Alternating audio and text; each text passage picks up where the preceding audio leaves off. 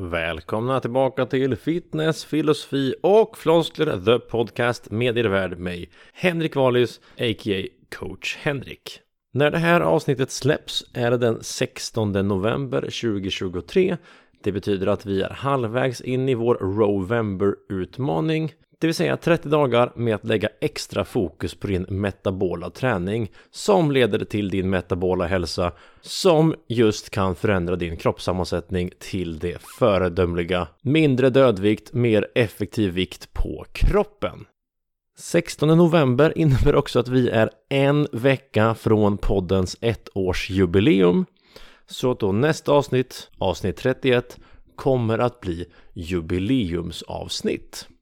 Den här veckan markerar andra veckan i rad som jag faktiskt får träffa barndomshjältar. Och lite skämtsamt brukar jag ju säga att de första 40 åren av barndomen är de svåraste. Jag tror jag har haft ganska mycket Peter Pan-syndrom i mitt liv. Om där andra människor blivit vuxna tidigt så kanske jag trots min biologiska ålder och ansvarstagande ändå väljer att vara lekfullt ung. Så när jag förra veckan fick träffa Mats Kardell en av Sveriges mest meriterade kroppsbyggare genom tiderna och författare till två makalösa böcker och innehavare av ett mänskligt djup och erfarenheter som få människor vill ha men vi är väldigt tacksamma att han delar med sig av. Då blir jag väldigt varm i själen när jag får träffa honom. Även dagens gäst var ju någon jag såg på Eurosport som tonåring när kampsporten började få mer och mer stjärnglans och exponering på TV det här var alltså egentligen pre-MMA så som vi känner till det idag. Då var det ju mer stora fightinggalor ganska ofta i Asien i diverse idrott slash cirkusar som kallades för Pride, K1 med mera där då de största och starkaste och tuffaste fightersen gjorde upp med varandra. Och där någonstans 00-tal där jag som högstadie gymnasieungdom-ish ibland kunde få se Jörgen Krut på TV, a.k.a. The Last Viking. Och kampsporten hade ju en ganska magisk plats under min uppväxt. Kampsporten var nämligen det som fick mig in på gymträning och var en av de första idrotterna som bäst inkorporerade styrketräning och i viss mån även estetik in i sin sport. Det kan ju vara läskigt att titta på någon med abs, den personen ser ut att vara i bra form. Thaiboxare brukar ibland sola solarium inför matcher för att dölja blåmärken och på olika sätt med krispiga fysiker kunna använda en slags optisk härskarteknik och sen dominera i ringen med allt från list till kraft till uthållighet till rörlighet oändligt många fysiska och mentala förmågor krävs att bedriva kampsport på den nivå som Jörgen Krut gjorde i så många år. Så det är mitt stora nöje att få höra av mig till människor som den här unga Henrik som var fanboy till stora starka män då faktiskt får göra och sen mötas upp för kaffe och konversation.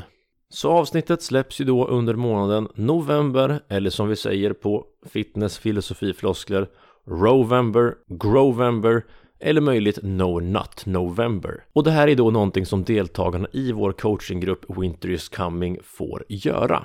Om två veckor rebootar vi vår åtta veckors cykel med coachinggrupp och då kommer den då äntra i så fall Winter is comings sista månad på 2023 som vi kallar för Discipline December. Så vill du ha en plats i en coachinggrupp, liten, intim, med chans till individcoaching och ta del av ett fantastiskt träningsprogram som gör dig frisk, stark och fri. Då kan du skicka ett mess och se om du kan knipa en av platserna till vår online coachinggrupp.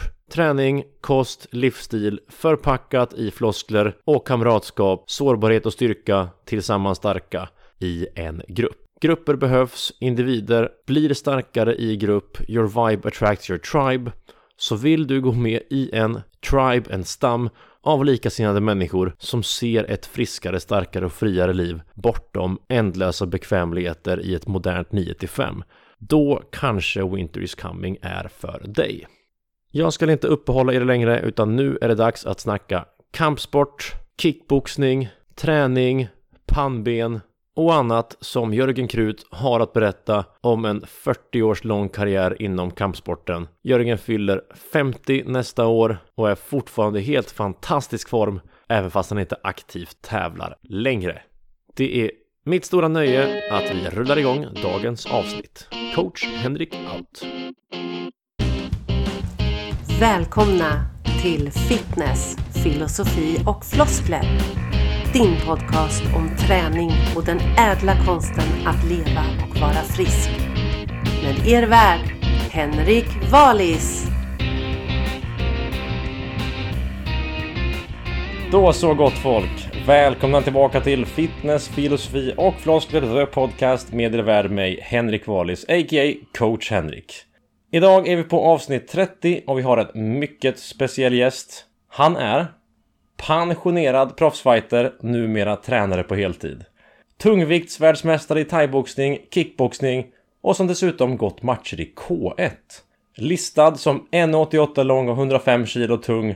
The Last Viking men som ändå fick stryk i Mästarnas Mästare på SVT för ett par år sedan. Idag tränare av andra i Stockholm och overall good guy som en gång satt på ett UFC-kontrakt, kanske mer om det sen. Den enda mannen jag aldrig vågat prata med på fitnessfestivalen, för helvete vad hård och läskig han såg ut att vara. Jörgen Krut, välkommen! Tack! Har jag ens varit på fitnessfestivalen eller? I Göteborg kan det vara omkring 07 Ja just det, med Twin Love då kanske till och med var det? Mycket Twin möjligt. Tiden, eller? Ja exakt, det stämmer. Just det, Göteborg, ja, ja det stämmer. Jag Annars pra- brukar jag inte gå på sådana grejer men eh, jag jobbar, ju med kosttillskott fortfarande så att det är några sådana grejer jag har faktiskt varit på. Just det. Ja, det stämmer. För jag minns att eh, på galan så var det ju alla möjliga proffsbodybuilders. Vi hade Martin Källström som bland annat var på Interpols Most Wanted-list. Vi hade Maurius Pudzianowski, världens starkaste man. Men jag vågade aldrig som 20-någonting-åring gå fram och prata med dig. Du såg helt livsfarlig ut. Annars, vill du fact-checka den inledningen? Ja, det är bra. Det är bra. Jag såg att din eh, son boxades nu i helgen. Ja precis, han tränar ju i Haninge BK så eh, han, han har satsat på boxning istället. För thaiboxning. Hur är det att se sin son fightas? Ja det är roligt faktiskt. Nervöst men, men det är riktigt roligt. Är du rädd för eh, hälsan eller kan... Nej, inte än, men det kommer väl. Men det är lite läskigt, absolut. Ja. Men jag tänker att jag idag vill prata främst om eh, hård jävla träning. Som jag förstår att du är ganska bra på. Jag misstänker ett och annat hårt träningspass. Under uppväxten, under åren som proffsfighter och kanske även nu i vuxen ålder för mental hälsa om inte annat. Låt oss börja med lite eh, kampsport och sen träning. Ja. Nu har jag ju koll på dig från mina tonår när jag själv körde kampsport. Kan du berätta lite kort, vad har du ägnat dig åt i ditt liv Jörgen? Nej, men det är väl mestadels thaiboxning faktiskt. Men jag började ju ganska tidigt med, med jag började med judo liksom i, när jag var sex, förskolan. Hade vi. vi hade faktiskt en judolärare, eller alltså våran, våran förskolelärare tränade också judo. Så vi hade judo på skoltid om man säger. Så det var så jag kom in på judo. Sen blev det jujutsu och tävla i taekwondo och sådär. Och boxades lite grann. Men, men thaiboxning fastnade jag för. Så att jag gick min första match ja, 88, så ett tag sedan. Det är ett tag sedan. Men thaiboxning måste väl ha blivit lite mer folkligt idag än det var då eller? Ja, jag tror att det, vi hade, fanns tre klubbar i Stockholm och en i Malmö och en i Göteborg när jag började. Det var typ fem klubbar i Sverige. Och nu finns det liksom jättemånga klubbar. Så thaiboxning har blivit jättestor. Absolut. Ja. Var är du uppvuxen? Skogås, söder om Stockholm. Och för den invigde, vad är då kickboxning och thaiboxning? För det är väl där du gjorde dig ett Ja, namn? mestadels thaiboxning. Thaiboxning är ju den, den delen som kommer från Thailand. Och kickboxning från början var ju amerikansk boxning och karate. De slog upp, slog upp boxning och karate liksom. Så kickboxningen, det finns två delar av kickboxning. Den som kommer från USA och den som kommer från Japan. Och så thaiboxning är som sagt från Thailand. Och sen har det väl gått ihop så det är väl snarlikt liksom. Bara att det, reglerna skiljer lite grann. Armbågar och knän är tillåtet i thaiboxning och inte i kickboxning. Om jag har sett Kickboxer 1 med Jean-Claude Van Damme, Ja, den har jag också sett några gånger. hur, hur väl står det sig till den filmen? Alltså grejen är att den filmen som jag kollat mest på, det var nog Bloodsport. Och den tror jag kom... Alltså jag tror den ena kom 86, den andra kom 88. Den kom... Bloodsport kom först tror jag. Och sen kickboxer var så mycket bättre när den kom. Men Bloodsport var ändå den som man kollade mest på. Kickbox var mycket mer välgjord liksom. Men Bloodsport, det var, det var ju en turnering där i... Ja, The, Kumite. ja exakt. Utan regler och alltså, ja. Ja, nej, jag har nött det bandet många gånger. ja. Eh, Det fanns ju en thaibox som hette Paco i den. Han med de stora bröstmusklerna. Nej, det är, bo- det är... det är någon annan va? Ja just det, Ja, det var någon thaiboxare där som hade så här shorts, thai-shorts ja. Jag kommer ihåg, just det. Skurken är ju spelad av Bolo Young. Mr Hongkong på 70-talet. Just det. Och han heter Chong Li. Jaha, okej. Just det. Men sen efter det så kom ju alla de här, vet du, No Retreat, No Surrender och det var en jävla massa. Det var väl Karate Kid kom väl först men den var lite mesig tycker jag. Men just Kickboxer och, och Bloodsport, de var... De var så såg jag med min son Bloodsport för inte så länge sedan och den var jättedålig alltså. Alltså fighting-scenerna var så här, man ser ju sparken missa med typ en decimeter alltså. Det var så dålig nu när man såg den i vuxen ålder. Är det så? Ja, du måste kolla om på den alltså. Man bara, shit vad dålig den är alltså. Jag blir lite kränkt när du säger det, men Men låt gå. den inspirerade mig i alla fall jävligt mycket. Vad var sen K1 för något då? Nej, men K1 var någonting de körde i Japan och det var bara tungvikt liksom. Och så blandade de olika kampsportstilar. Typ som MMA kom ju så här, liksom, det var ju, men det här var ju blandade stående kampsportstilar. Karate, boxning, thaiboxning och så körde de, och så tungvikt då. Så körde de turneringar i Japan. Så det är väl det. Och så K, det är stort i Japan, eller hela Asien var det stort. Och hur såg din väg ut in i K1? Jag blev ju världsmästare i, som amatör i thaiboxning. Alltså silver 95 och så vann jag 96-97 thaiboxning. Och sen, sen efter det blev jag proffs och eh, blev, eh, ja, vann en K-turnering 99 tror jag var i Kroatien. Sen en åttamannaturnering. Så vann jag den och kom till, eh, till Japan. Så fick jag gå en match i Japan. På den vägen är det. Och på den tiden så försörjde du dig på fighting. Ja, precis, ja, precis. Under kanske en 10-15 år bara från matchen. Men sen, ja, jag gjorde ju andra grejer runt omkring också. Man fick ju lite lite sponsorer och sådär som man fick in pengar på. Men mestadels var det ju fighting liksom. Och jag vet att du har slagits mot eh, Alexej Ignashov, Mike Bernardo och även eh, The Beast, Bob Sapp. Ja. Har du några matcher du eh, minns? Alltså vilka fighter minns du mest? Alltså, eh, Ignacio förlorade i första matchen i Bangkok på National, eller vad säger Rangsit Stadium gick den på, den matchen ja, exakt. Då vann jag i första två ronderna, sen, sen blev jag ganska trött. Eh, tog slut där, jag hade varit sjuk innan. Men sen fick jag returmöte i Vitryssland ett år senare. Den tyckte jag att jag vann, men det var ju ryska domare. Så att, men så skulle vi ha ett tredje möte i, i Stockholm, Globen. Eh, men då skadade han sig så den blev inställd. Så det var, det, var, det var tråkigt att ha två förluster mot honom. Jag ville ha en vinst mot honom men så blev det inte. Så att, men det var väl också den, det var ju tuffa matcher, fem ronder. Båda matcherna var tuffa alltså. Eh, Bob Sapp var ju 45 sekunder, det var inte lika, lika tufft så liksom. Vad hände där? Alltså han, fick, han är ju som han är. Han vevar på så mycket han kan och har ganska dålig kondition. Och så efter typ 45 sekunder så sprang han in i ett knä och han gick ner. Eh, liksom, men han var ju på väg upp. Men då kastade liksom hans ringhörna kastade in handduken när han var på väg upp. Så jag vet inte riktigt eh, om han var om han kunde ha fortsatt eller inte. Men eh, det, var, det var en tråkig match, det var så kort. Ja, okej. Hur är generellt liksom mindset under en match? Minns du någonting eller är du inne i något slags trans? Alltså det är olika olika matcher. Ibland är man ju liksom... Ibland är man jättetaggad när man går in till ringen och ibland är man eh, liksom helt omotiverad och bara liksom tänker på andra saker än matchen. Och, så att, så, och ibland så är man inne i en trans. där. Jag har ju gått mycket matcher liksom så att det... Och ibland är det liksom... Det är lite olika helt enkelt. Hur såg eh, träningen ut för att liksom bli K1 Jörgen Krut? Både på liksom eh, kampsportsklubben och på gymmet och i löpspåret. Alltså om vi, om vi tar Bob Sapps, eh, matchen var ju väldigt speciell uppladdning inför den. För då fick jag ju så här för, eh, första, första liksom, man, vi brukar göra så här Cooper-test eh, i början på, alltså typ när det var tio veckor kvar skulle jag göra ett Cooper-test bara för att kolla värdet. Och då fick jag så här förmaksflimmer.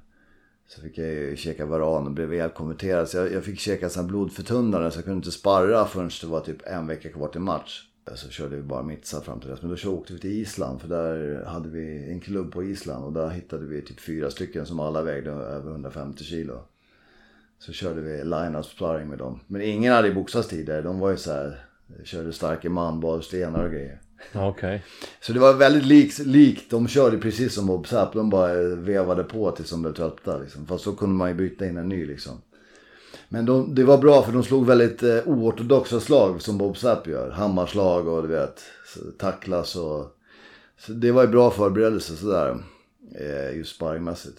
Fram tills du fick proffskontraktet, hur såg din träning ut över en uppväxt och... Ja, men jag, jag tränar väldigt mycket på eh, alltså kvantitet mer än kvalitet tyvärr. Ibland, jag var i Thailand ganska tidigt och tränade och så de tränade 10 pass i veckan och då ville jag också träna 10 pass i veckan. Så det, man tränar lite för mycket ibland, övertränade och sådär. Men det var mycket löpning på morgonen och så körde man thaiboxning på kvällen och det var väldigt lika. Alltså passen såg ganska exakt likadan ut. Eh, tills jag sen började satsa lite mer, alltså satsa mer på på K1 då, då la vi in väldigt mycket styrketräning. Började köra mycket tyngdlyftning med en kompis som heter Bubben som, som då jobbade på Bosön. Så han hjälpte mig med just den explosiva delen. Knäböj och frivändningar körde vi mycket.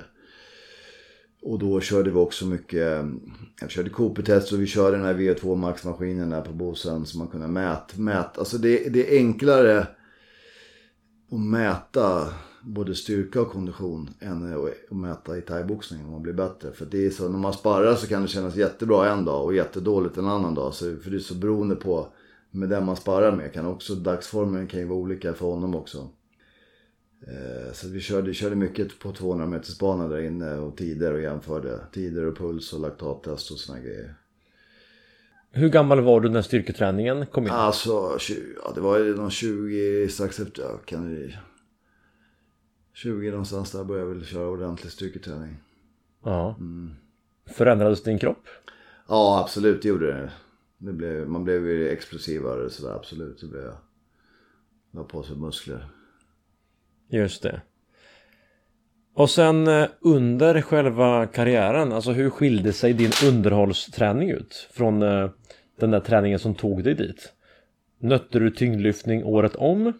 Ja, eller ja, alltså grejen så här, Det är inte alltid att man har så här tio veckor innan en match eh, förberedelse. Utan ibland kan de ringa så här, ah, det är någon som är skadad, du, kan, du har match liksom nästa helg i Tokyo liksom. Man bara okej. Okay. Så att man fick ju, körde ju ganska, var på hög, eh, ganska hög nivå hela tiden för att man skulle kunna ta matcher på kort varsel sådär. Det var väldigt många gånger man fick bara några dagars varsel åka iväg på matcher liksom. Eh, men jag försökte köra perioder där när jag, hade, när jag inte hade matchat. Man körde byggde upp så alltså blockvis kanske styrka eller kondition du vet. Men man körde hela tiden thaipass men då körde man kanske lite lugnare thaiboxning för att det inte skulle förstöra den andra träningen. För det är svårt om man kör liksom stenhårda intervaller på, eh, på eftermiddagen då, och så ska man sparka ett mitsa på förmiddagen. Då förstör ju liksom träningen förstör ju för varandra. Just de här röda passen kan man ju inte ha hur många som helst liksom. De måste återhämta sig lite grann emellan. I början var det bara, alltså i början när man tränade körde man alltid alla pass så hårt det gick liksom.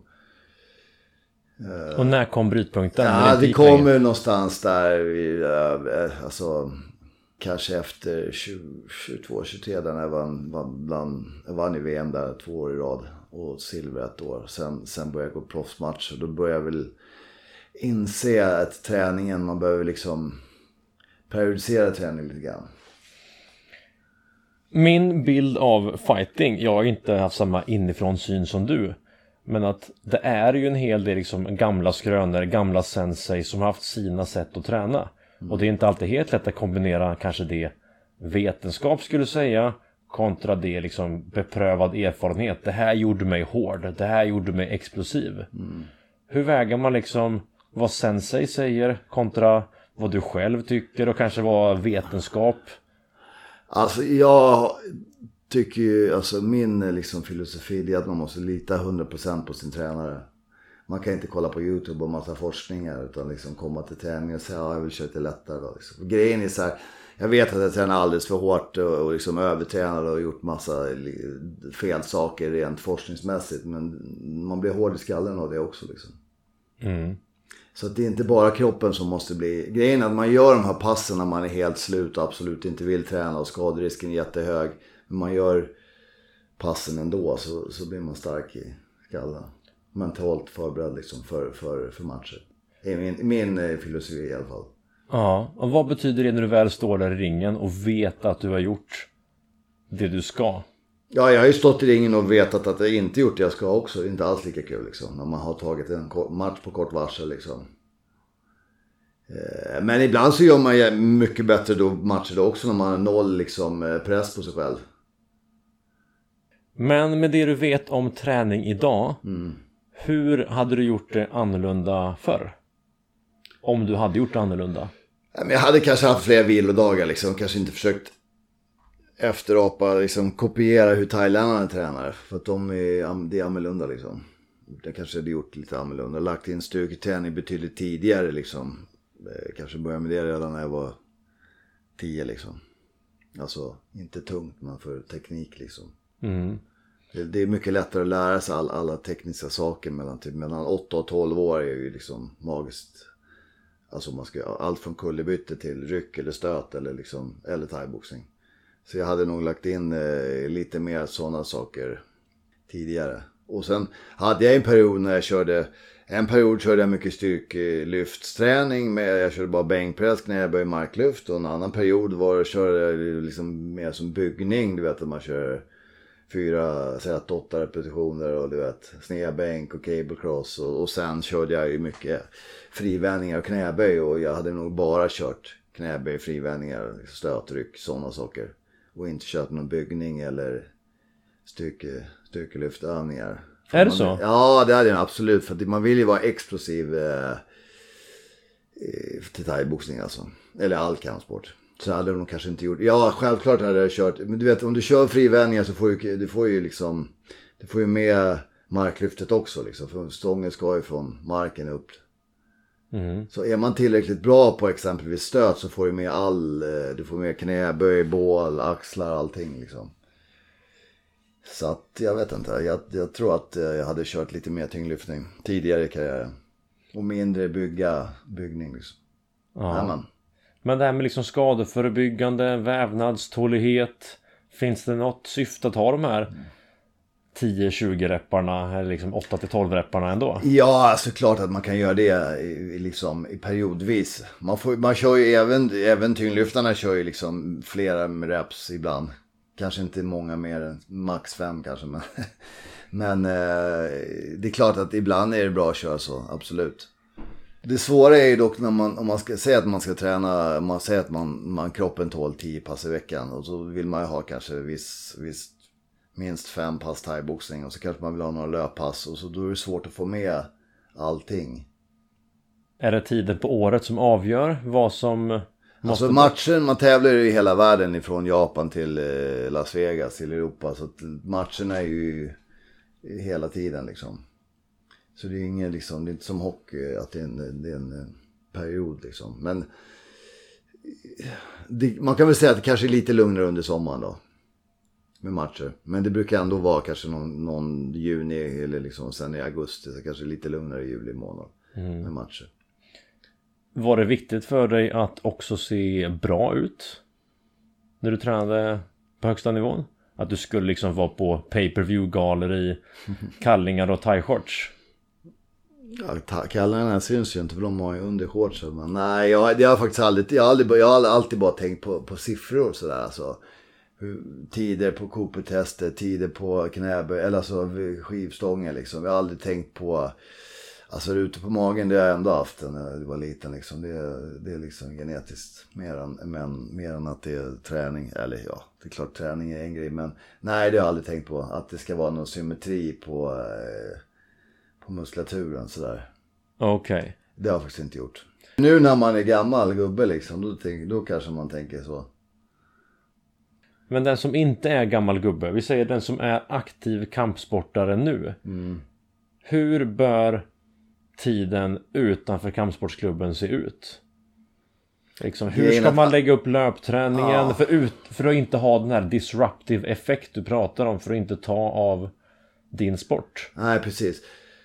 Grejen är att alla människor är olika och det beror på, alltså någon kanske är jättebra syreupptagning liksom. Då kanske den personen inte behöver köra lika mycket löpning fast han kanske är lite långsam och behöver köra mer explosivitetsträning liksom. Och någon annan kanske är extremt explosiv men han tar slut hela tiden. Då kanske man lägger mera löpning på honom. Så det där är nog väldigt olika alltså. Och oavsett så kan du ju se fighters som är väldigt olika eh, muskeltyper liksom. Som Mike Tyson som är extremt explosiv och så kanske jag se som Tyson Fury som, som är liksom uthållig, kanske inte alls slår lika hårt men har kondition och orka eh, liksom alla ronder liksom. På ett annat sätt liksom. Och du hade en jävligt hård högerspark va? Ja, fast jag sparkade nog bättre med vänstern. Min vänsterspark var nog jävligt hård. Ja, jag sparkade bra låg. Vänstersparken var nog mitt bästa vapen skulle jag säga. Men det är bra för de flesta står med vänsterben. Alltså de flesta är högerhänta och så står med vänsterben fram. Då är, använder man vänstersparken mest. Så vänstersparken var bra, det måste jag ändå säga. Sen kunde jag slå lite grann också, men, men vänstersparken var nog bäst. Hur var ditt engagemang i liksom svensk kampsport i övrigt? Har du gett in i föreningslivet någonting? Ja, men jag har jobbat, ja senaste tio åren har jag jobbat som, i förbundet som eller, tränare liksom. Dels till landslaget då men också till tränarutbildningar via RF som vi har åkt runt och gjort. Massa stegutbildningar. Hur ser ditt tränaruppdrag ut där? Tränar de lika hårt som du gjorde? Eller har du lärt dig av? Grejen är att det är svårt för alla kommer från olika klubbar och så kommer de till oss typ två gånger om året så kör vi läger på Bosön va. Så att man har ju inte liksom... Eh, jag jobbar ju här med PT-träning så jag, har ju, jag ser ju inte vad de gör utöver det som de gör via, via oss liksom på landslaget. Men eh, kurser, utbildningar, är det liksom i TAI-förbundet eller hur? Ja, thai, ja, precis. Förbundet. Alltså förbundet är ju inte specifikt i Stockholm utan det är ju över hela Sverige det är som folk är med. Så att det, det är lite som förbund, det är som ett förbund. Det är flera olika som ska vara med och bestämma liksom. Som bor i olika delar av Sverige. Så vi gjorde i början ganska många läger på Bosön men vi har ju varit runt och kört i Lund och Helsingborg och Jönköping och uppåt också liksom. Och vad är det bästa med föreningsliv? Eh, Finns det Muay Thai-farsor? Jag har inte sett någon riktigt sån Muay Thai-farsa liksom. Men det borde rimligtvis finnas. Det är inte som när min son tävlar i gokart. Så där är liksom, där är engagemanget från föräldrarna en helt annan grej där. När man ska liksom ha husbilar och gokart och mecka och nya däck och du vet. Thaiboxning är, det är inte lika... Ja, jag har inte sett någon riktiga thaiboxningsfarsor sådär tror jag. Det kanske kommer med nästa generation. Ja, kanske. Men för att kunna träna hårt som vuxen mm. måste man träna hårt även som barn. Alltså men det finns ju, du och jag möter ju klienter som kanske är du vet 35-40 plus och vill mm. förändra sina kroppar. Ja. Vilka resultat kan man förvänta sig från träningen om man tränat som ung eller inte tränat som ung? Eh, alltså fördelen med att desto sämre form du är i desto lättare är det att förbättra formen. Alltså grejen om du aldrig har tränat, sen efter två månader så kommer du känna jävla skillnad. Om du är på elitnivå så, så är det så små marginaler liksom. Du kan ju träna i tio år och förbättra dig liksom en hundradel. Alltså om du, om du tänker på 100 meters löpare liksom. Eller så det är ju väldigt mycket svårare att förbättra sig på, på elitnivå än, än om du aldrig har tränat. Eh, men såklart, vissa saker Exempelvis om man ska vara rörlig, exempelvis om du har kunnat gå ner, ner split när det var Som jag kunde gjort sen jag var typ 10 år liksom. Då är det mycket lättare att kunna göra det när man är 50. Om du aldrig har stretchat hela ditt liv och är 50 år så tror jag det kan bli svårt alltså. Men att gå ner i vikt det är ju liksom bara att träna, sluta käka. Det är, inget, det, är, det är inte något svårt så. Det, det, det är ju mera, vad heter det, matematik liksom. Gör av med mer kalorier än man stoppar i sig. Sen är det klart att det, det kan ju vara rent eh, psykiskt jobbigt. Men det krävs ju mycket mer på elitnivå för att förbättra sig. Alltså det är mer vetenskap bakom, bakom att någon kommer till dig och ja nu är jag ta 200 knäböj, jag vill ta 205 liksom. Exempelvis. Och så har han tränat hela sitt liv. Då måste man ha någon form av program för att få, uppnå det liksom. Eller om man vill springa snabbare på 100 meter och är redan jävligt snabb. Till skillnad om man aldrig har tränat och kommer och vill gå ner 10 kilo. Mm. Då kan du bara, om du behöver sluta käka och promenera, ja då kommer du gå ner. Det är ingen vetenskap direkt. Ingen avancerad vetenskap på så sätt. Det krävs dock en skalle lite grann. Kan du berätta mer om den här berömda skallen? Vad är exempel på träningsupplägg du hade för att bygga skalle? Några exempelpass du gjorde? Alltså man har ju inga sådana pass för att bygga, utan det blir ju... Grejen är att man försöker ju hela tiden ha så bra sparring som möjligt. Om man inte har så bra sparring som möjligt så brukar man, vi körde mycket så line-up sparring. Så man har ju typ fyra stycken. Du själv och sen byter de varje minut. Så du får en fräsch gubbe varje minut liksom. Och så kan man köra så 10-15 minuter nonstop och de byter hela tiden. Då blir det jobbigt efter ett tag.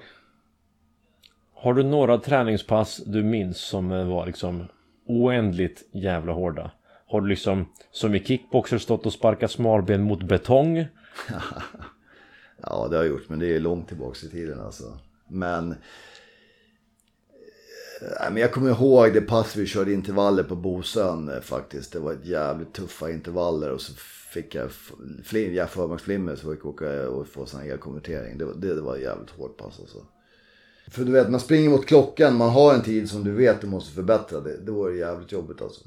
Okej. Okay. Men sen har jag haft jävligt jobbiga sparringar också där man liksom går och letar efter bilen en timme efter träningen liksom. Man har ingen minne av om man ställde bilen liksom. Det har, det har hänt många gånger. Men på vilken nivå behöver du vara för att träningen ska vara så jävla hård?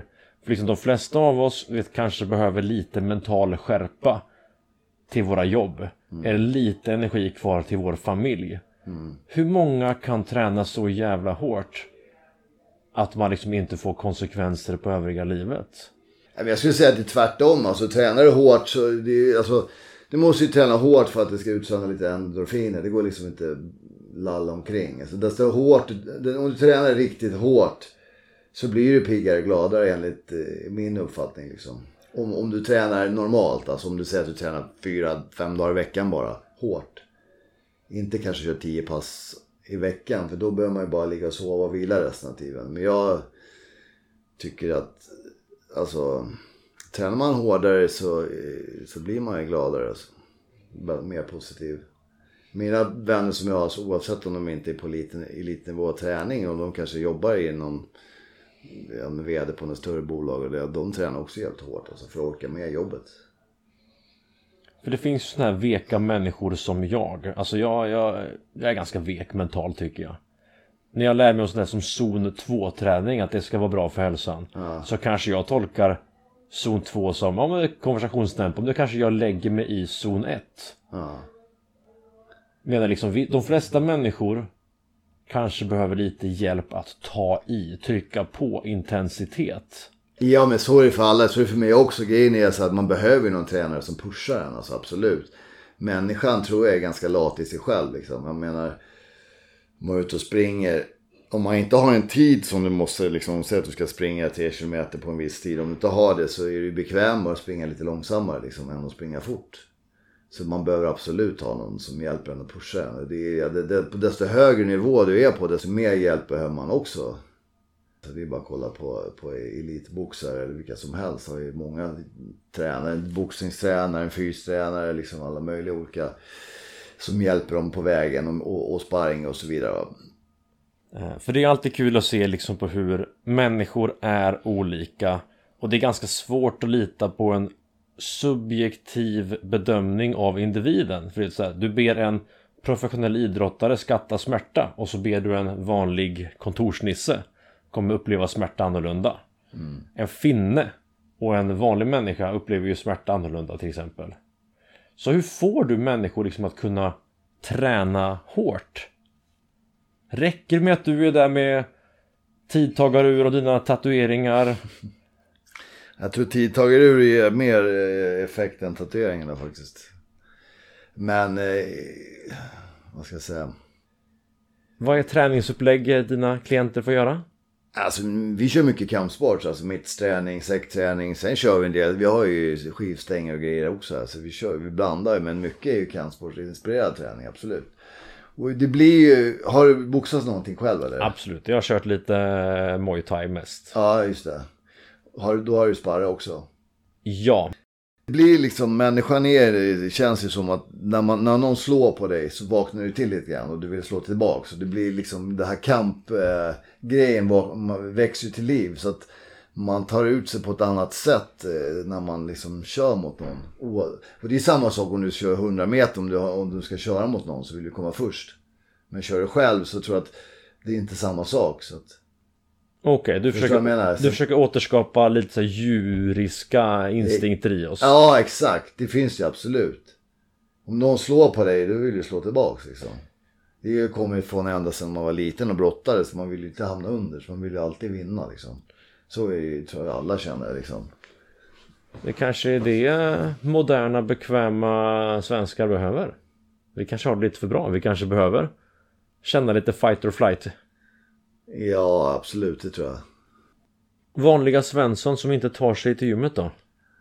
Ja, Vad kan de lära sig av att börja träna kampsport? Ja, men grej, alltså det är allt, man mår ju bättre när man är i form liksom. Och tränar man hårt så liksom, man blir piggare och gladare. Man lär sig lite självförsvar också samtidigt. Man blir lite, man känner sig mer trygg i sig själv tror jag. Absolut. Om jag får ställa fråga om min egen träning här nu då. Ja. Jag hade väl eh, kampsport under eh, delar av tonåren, lite grann i vuxen ålder. Och jag har sagt till mig själv att när jag är 40 vill jag kunna gå ner i split, middle splits. Mm. Jag är 36, fyller 37 nu. Mm. Är det fysiskt möjligt? Det, är- det är ju svårt att, du måste ju se när du, var, var du ligger någonstans, förstår du? Men eh, fysiskt möjligt, absolut. Hur långt har du kvar till split? Vi brukar mäta PTG, punkt i golv. Det kanske är på det är ett par decimeter, 2-3 decimeter. Ja, men det kan du greja, absolut. Okej, hur ska jag träna då? Eh, då ska du köra stretching eh, tre gånger i veckan, lite hårdare stretching och så kan du köra några dagar i veckan lite mjukare stretching skulle jag vilja säga. Och eh, det är svårt att visa här men det finns lite, du skulle kunna lägga typ 10 minuter tre dagar i veckan stretching. Okej, På split, på ljumskar och sådär. så hellre hög frekvens, låg volym, säger du? Om med hög för mig menar jag då 3 plus gånger i veckan. Ja men att det är precis att du tränar och sen, sen kan du träna lite lättare, lättare. Det är precis, jag skulle säga att stretching är precis som all träning. Att man kan hårda pass, lite lättare pass, hårda pass, lite lättare pass. För för att stretchar man ett hårt stretchpass så brukar man ju få lite träningsvärk. Eller hur? Har du känt det eller?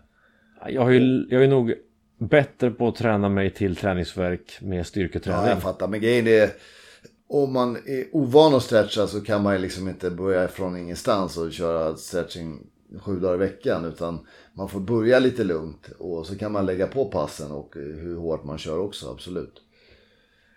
För du har väl en ganska bra middle split va? Fortfarande vid 49 års ja, ålder. Ja, Kan gå ner i split. ja, Ouppvärmd. nej. nej, inte ouppvärmd. Jag måste värma upp. Längre och längre uppvärmning. Okej, hur ser en uppvärmningsrutin inför dina ansträngningar ut idag? För det är uppenbart du har lite bagage i kroppen. Du har, Ja, du nej, men jag, brukar, jag brukar liksom... Har jag tid så för, sitter jag gärna på cykeln i 10 minuter först. Så jag blir riktigt varm och sen kör jag igång liksom.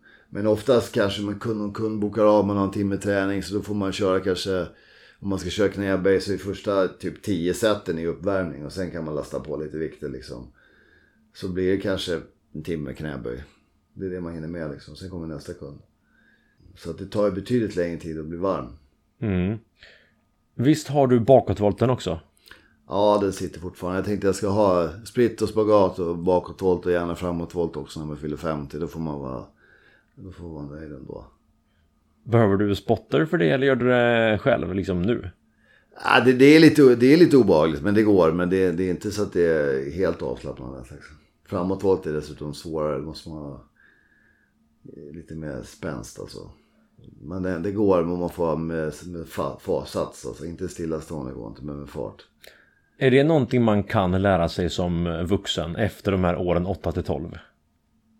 Grejen är att alla som sagt, alltså, eh, om du är explosiv så kan du göra det.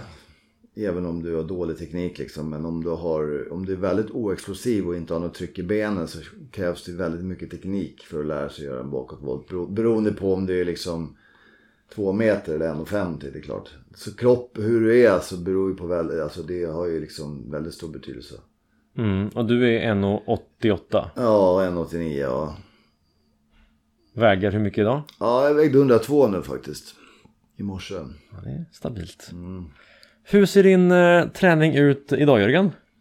Nej, men jag kör styrketräning typ fyra dagar i veckan. Så försökte jag köra med min gamla fystränare Bubben på Bosön där. Eller han är på Lidingö nu på ett annat gym. Men vi kör tyngdlyftning en dag i veckan. Jag kör med min son tyngdlyftning en dag i veckan. Och så försöker jag köra gymnastik med min kompis i Jordbro en dag i veckan.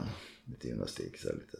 Och när du säger gymnastik, Ja, snackar vi kullerbyttor Ja, eller pull-ups? Lite volter, muscle-ups, lite så här hjula och vet. Nej jag vet inte, du får berätta. För gymnastik är ingen Lite räck, crossfit. lite mass, lite ringa, lite räck, lite volter sådär. Typ. Lite stretching, stå på händer. Sådana grejer brukar vi göra. Vad betyder den delen av träningen för eh, liksom en 50-årings fysik? För det är liksom som folkmotionsform så tror jag inte vi gör så mycket gymnastik. Alltså Nej, många... jag vet att det är många som kan knappt göra en kullerbytta. Alltså. Men jag har ju jag har alltid varit fascinerad av gymnaster liksom. Tyckt att de har varit jävligt, alltså. Och simhoppa. Jag var ju med i ett tv-program som hette Kändishoppet. Så då fick man hoppa simhopp också. Jag var jävligt imponerad av dem, liksom deras, liksom, deras spänst, deras liksom, skalle framförallt. Du vet, det, det är skillnad, du går in i en ring och det, det, det är någon annan du ska slåss mot. Det, det, är det för mig det är inte en stor grej, men du ska gå upp på tian och liksom göra 4,5 volt ner liksom. Det krävs lite skalle, tycker jag. Absolut. Det är en väldigt särskild förmåga att sätta upp en plan, utsätta sig för massa rädsla och inte banga ur. Ja, exakt. För rädslan där, även som fighter säkert, måste ju göra dig... Exakt. Förlamad. Ja, precis. Exakt. Så att, så att jag har varit imponerad av många andra idrottsmän. Jag var med i Mästarnas Mästare också och träffade liksom många liksom väldigt framgångsrika idrottare och och pratar med dem på kvällarna och var im- imponerad liksom av vad de har gjort. Ja. Så då har du en ganska bred gymnastik. Och du är på gymmet och styrketränar. Vad gör du för någonting då? Knäböj, lite bänkpress och vanlig liksom byggträning. Alltså, Så nu Det- passar det med byggträning? Ja, nu passar det. Är alltså jag är inte, jag är motionär. Okej. Så då kan jag ju köra lite biceps. Och kampsporten? Alltså min del av kampsporten nu det är att jag sparar lite grann med mina kunder emellanåt. Och sen sparar jag med min son också. Det är väl typ den sparringen jag får. Annars blir det ju ingen riktig kampsportsträning liksom. För min egen del. Fast jag håller ju mycket träningar. Det är det jag jobbar med hela dagarna. Och så kör jag seminarium och sådär på helgerna. Men jag har inte sparat någon riktig sparring mot någon liksom. Säkert på tio år. Som, som, som tävlar alltså. Saknar du eh, fighterlivet? Eh, nej, alltså jag saknar ju ibland att vara i jävligt bra form liksom. Så när man är på galor så saknar man ju liksom det här gå in till ringen liksom och det där. Det är en, det är en jävla kick alltså. Mm. Gå på det, vad heter det, catwalken fram till ringen liksom. Det är speciellt. Nu är livet liksom grått på ett annat sätt. Alltså då var det liksom upp och ner väldigt mycket. Vann man en match så var man jävligt glad och förlorade man en match så var man jävligt irriterad. Nu är det liksom... Det är lite så här, vad heter det? Slätt. Det händer inte så mycket. Livet är ganska lika. Så att det är klart att man saknar ju lite grann spänningen och det. Men det var också jävligt mycket press och stress och matcher. Och motståndare blev skadade och de ändrade motståndare och liksom hit och dit liksom. Så att det är klart att jag gjorde, det var ju, jag höll på ganska länge. Jag var ju nästan 25 år från första matchen till sista matchen. Så det var ju liksom, det blev en del matcher. Har du klarat dig bra med skador? Ja, absolut, det tycker jag. Lite revben och näsor och så här, men absolut, jag har inte inga allvarliga skador. Skönt. Ja, verkligen. Hur brukar thaiboxare må efter karriären? Ja, det beror ju lite grann på vad, dels hur många matcher man har gjort och sen vilken stil man har liksom. Om man är en teknisk stil om man bara någon som bara går fram liksom och du vet. En del vinner ju på knock varannan gång och blir knockade själva varannan gång så det är lite olika. Faktiskt. Var det någon gång du blev rädd för din hälsa? Alltså liksom med slag mot huvudet, hjärnan. Nej, faktiskt inte. Men det, då skulle man kanske lagt av. Utan det är väl snarare efteråt man kanske tänker så. Men just, just i, i karriären så kände jag inte så. Nej, det är en magisk värld och jag kommer alltid stå för um, måendefördelarna. Till exempel under min, uh, mitt första halvår som lärare så körde jag ju thaiboxning igen. Ja. Perfekt timing. Ja. Och jag, om en person har varit med om uh, utbrändhet mm. så rekommenderar jag dem absolut att börja med kampsport. Just för hur befriande det är att skutta runt barfota, mata höftsparkar, brottas lite i clinch. Det är liksom raka motsatsen från det vi får uppleva i våra vanliga liv. Ja, absolut.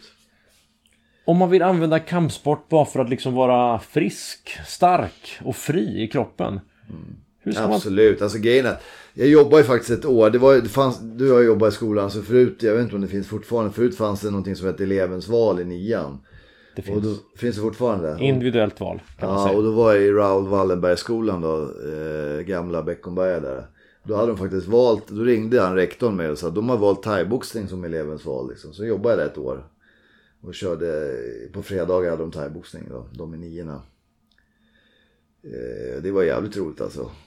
Och där ser man också hur många, alltså en del som aldrig har tränat hela sitt liv och sen de som har liksom gått på fotboll eller hockey och allting, hur, hur jävla skillnaden är när de är typ 15 år. Att en del kunde typ inte ens nåltårna, liksom, eh, när man hade raka ben. Vi gjorde olika fystester, Det kunde inte göra kullerbyttor. Liksom, och de som har hållit på med någon idrott var så mycket rörliga just, just som du pratar med den där åldern mellan 8 och 12 år. Man har lätt att lära sig saker. Idag om du är 15 år och aldrig hållit på med en idrott så kan du inte säga att börja på hockey. Det är för sent ju. Det går inte. Du måste, det, det måste du börja någonstans innan liksom ja, mellan 8 och 12 år där någonstans för att kunna lära dig åka skridskor. Och det är så mycket saker man måste lära sig. Och då, likadant är det ju med många andra sporter också. Det finns ju vissa sporter som om du är extremt explosiv så kan du ju kanske komma in och bli duktig på eh, 100 meter, kula, tyngdlyftning, även thaiboxning liksom lite senare. Men vissa sporter, eller simning också, det, det går ju inte att börja när när du är 15, det är för sent liksom. Om jag vill använda kampsport, exempelvis thaiboxning, för att få liksom maximalt med må bra hälsoeffekter. Mm. Ska den göras på annat sätt än om man vet, vill utvecklas, vill lära sig att fightas? När skiljer sig sporten åt för mående kontra prestation? Ja, det, det är ju, alltså elitidrott är ju inte nyttigt egentligen. Alltså, man, det är liksom, det måste man ju säga. Alltså, Eh, så det är därför eh, många som tränar jävligt hårt, man kan inte hålla på hur länge som helst heller. Och eh, specifikt thaiboxning eller boxning så liksom om man ska gå matcher tills man är 50 då är alltså, det är inte nyttigt att få slag mot huvudet. Och många andra, jag menar springer 100 meter eller 200 meter, de är lite äldre, då kommer ju baksidan paja och allting liksom. Eh, så att eh, om man bara ska träna för välmående så får man väl träna lite mindre och kanske inte um, lika mycket press på sig själv tror jag. Det är ju tyvärr lätt gjort ser jag att människor när vi åldras slutar träna explosivitet. Vi tror att det är farligt och så ser vi på svensk folkhälsoidrott att vi kör en svensk klassiker. Mm. Bara kondition. Mm. Hur gör jag med det här liksom för att behålla explosivitet över åren? Och utan att sträcka en baksida. Jaha, ja det var, en, det var det. Uh... Det var en svår fråga. Alltså grejen för att, för att man ska bli explosiv och, och, och starkare så krävs det ju ganska mycket belastning. Och då är ju skaderisken betydligt större än om man kör utan belastning. Men då blir ju varken starkare eller explosiva. Det är, det är en eh, ett svår, eh, svår avvägning. Och det är det vad elitidrott handlar om. Att man måste träna så mycket som möjligt. Men inte för mycket. För då skadar man sig eller blir övertränad. Eller liksom. För man tränar ju ner sig så vilar man så blir man ju starkare när man återhämtar sig på vilan. Liksom, och så. så det är svårt. Och det är ännu svårare när man blir äldre. För då är skaderisken betydligt större. Mm. Hur jobbar du främst med klienter idag då? Du nämnde kampsport och gym och Ja, blandat. precis. Mycket, mycket, mycket kampsport är det. Och mycket thaiboxning, mycket mittsar och säck och sådär liksom. Men vi kör även ganska mycket styrka liksom. Beroende på vad de har för önskemål liksom. Om de, det finns ju några som är lite äldre som tycker det är kul att gå match liksom. Jag är en som, han är ju 65, han har faktiskt gått några matcher. Men han började, jag, gjorde, jag tror han gjorde sin första match när han var 55. Alltså i korpen thai eller vad? Ja, det finns inte Korpen Thai, men då, han, gjorde, han gick en förmatch på en gala liksom. Så, så att, eh, men det var ju mer som, han ville ha någon motivation och träna lite hårdare och liksom ha, ha ett mål framför sig liksom. För att, eh, ja, så blev det en jävla, vin- alltså det, det är en jävla grej att gå match alltså. Speciellt om man vinner. Förlorar man är inte lika kul. Nej. Blir man knockad är det ännu tråkigare. Men ehm, det blir en jävla kick alltså. Och vilka jobbar med dig? Är det bara såna här tokiga människor eller har du vanliga också? Nej, det är bara vanliga. Det är inga, eller det är ingen som är tokig. Okej. Men, eh, nej men det, det är helt vanliga människor som kommer hit och tränar, absolut. Och om man har vägarna förbi Stockholm kan eh, vem som helst komma och träna med dig? Ja, ja det är bara att mejla, mejla mig så bokar vi in en tid. Då skriver jag ner mailadressen här i show notes. Ja. Jag har inte så mycket mer för dig idag Jörgen. Om inte du vill avsluta med något eh, brandtal eller någonting du absolut vill ha sagt idag. Nej, jag, jag har inget eh, som jag kommer på just nu faktiskt. Okej. Då kommer jag be om att ta en idolbild sen. Ja, det är lugnt. Då säger vi så. Tack och bock från eh, Östermalm, Stockholm. Vad Ja. heter ditt gym här? Ja, det heter hälsospecialisten. Fantastiskt. Säger vi så. Tack och bock hörni. Ja, tackar. Grymt. Där var då avsnitt 30 slut för den här gången. Hoppas du fick ut något av avsnittet. Om det var någonting du tog med dig eller någonting du fastnade vid. Vad var det i så fall? Skriv till mig eller Jörgen. Ni finner hans mailadress kontaktformulär på hans hemsida jorgenkrot.com så kanske vi kan vidareutveckla den idén eller tanken du reagerade på. Samtalet spelades in en tisdags eftermiddag i Jörgen Kruts PT-studio som är en slags hybrid av kampsportsdojo och strength and conditioning gym i en källarvåning på Östermalm i Stockholm ett stenkast från Strandvägen och Nybrogatan. Riktigt bra location. Jag tar med mig från samtalet att hård träning har en plats i allas liv och att det kanske är den absolut viktigaste grejen vi kan göra för att må bra mentalt och själsligt. Och samt också då få alla fysiska fördelar. Att det kanske är det som är gåvan för en vanlig Svensson att få gå in och träna riktigt hårt. Ansträngningen är belöningen. Jag tänker också på att den som är allting annat än en vanlig Svensson och vill mer med sin träning har ibland värde av att inte träna så maxhårt för det kanske ibland leder till skador eller hämmad utveckling men det är väldigt få förunnat att kunna tagga ner från träningen för de flesta av oss, mig själv inklusive har kanske inte det pannbenet att pusha oss själva så hårt så vi kanske inte riktigt har det spelrummet att backa med träningen. Är man på Jörgens nivå så kan det absolut också vara värt att träna för hårt just för att träna pannben och tuffhet. Som han sa, jag har varit uppe i ringen oförberedd och jag har varit uppe i ringen förberedd.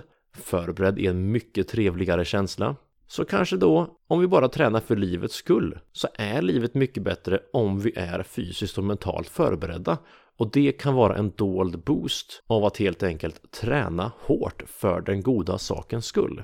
Tyckte du om avsnittet och vill supporta fitness, filosofi, floskler Gå in på Instagram, tryck på följ at fitness, filosofi, floskler Skicka in ett meddelande och säg vad du tyckte om med avsnittet. Och kom gärna med input på framtida gäster du skulle vilja ha, framtida teman att grotta ner oss i. Går också bra att skicka mail på fitnessfilosofifloskler at gmail.com.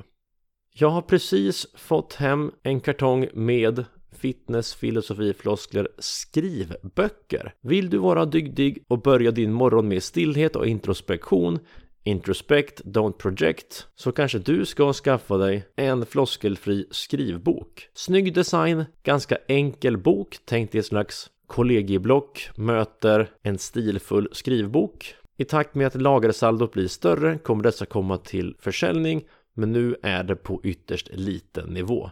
Så vill du ha ett ex får du skriva en rad. Online coachinggruppen Winter is coming gör sin reboot vid månadsskiftet när då Row, Grow, No Not November ger sig in på Discipline December och du har chans att bli coachad av coach Optiholm och mig i grupp tillsammans med andra likasinnade. Då skickar du ett mess och så pratar vi se om vår coachinggrupp med individcheck-ins, med veckomöten, med hemläxor, med ett löpande online-träningsprogram kanske är någonting för dig.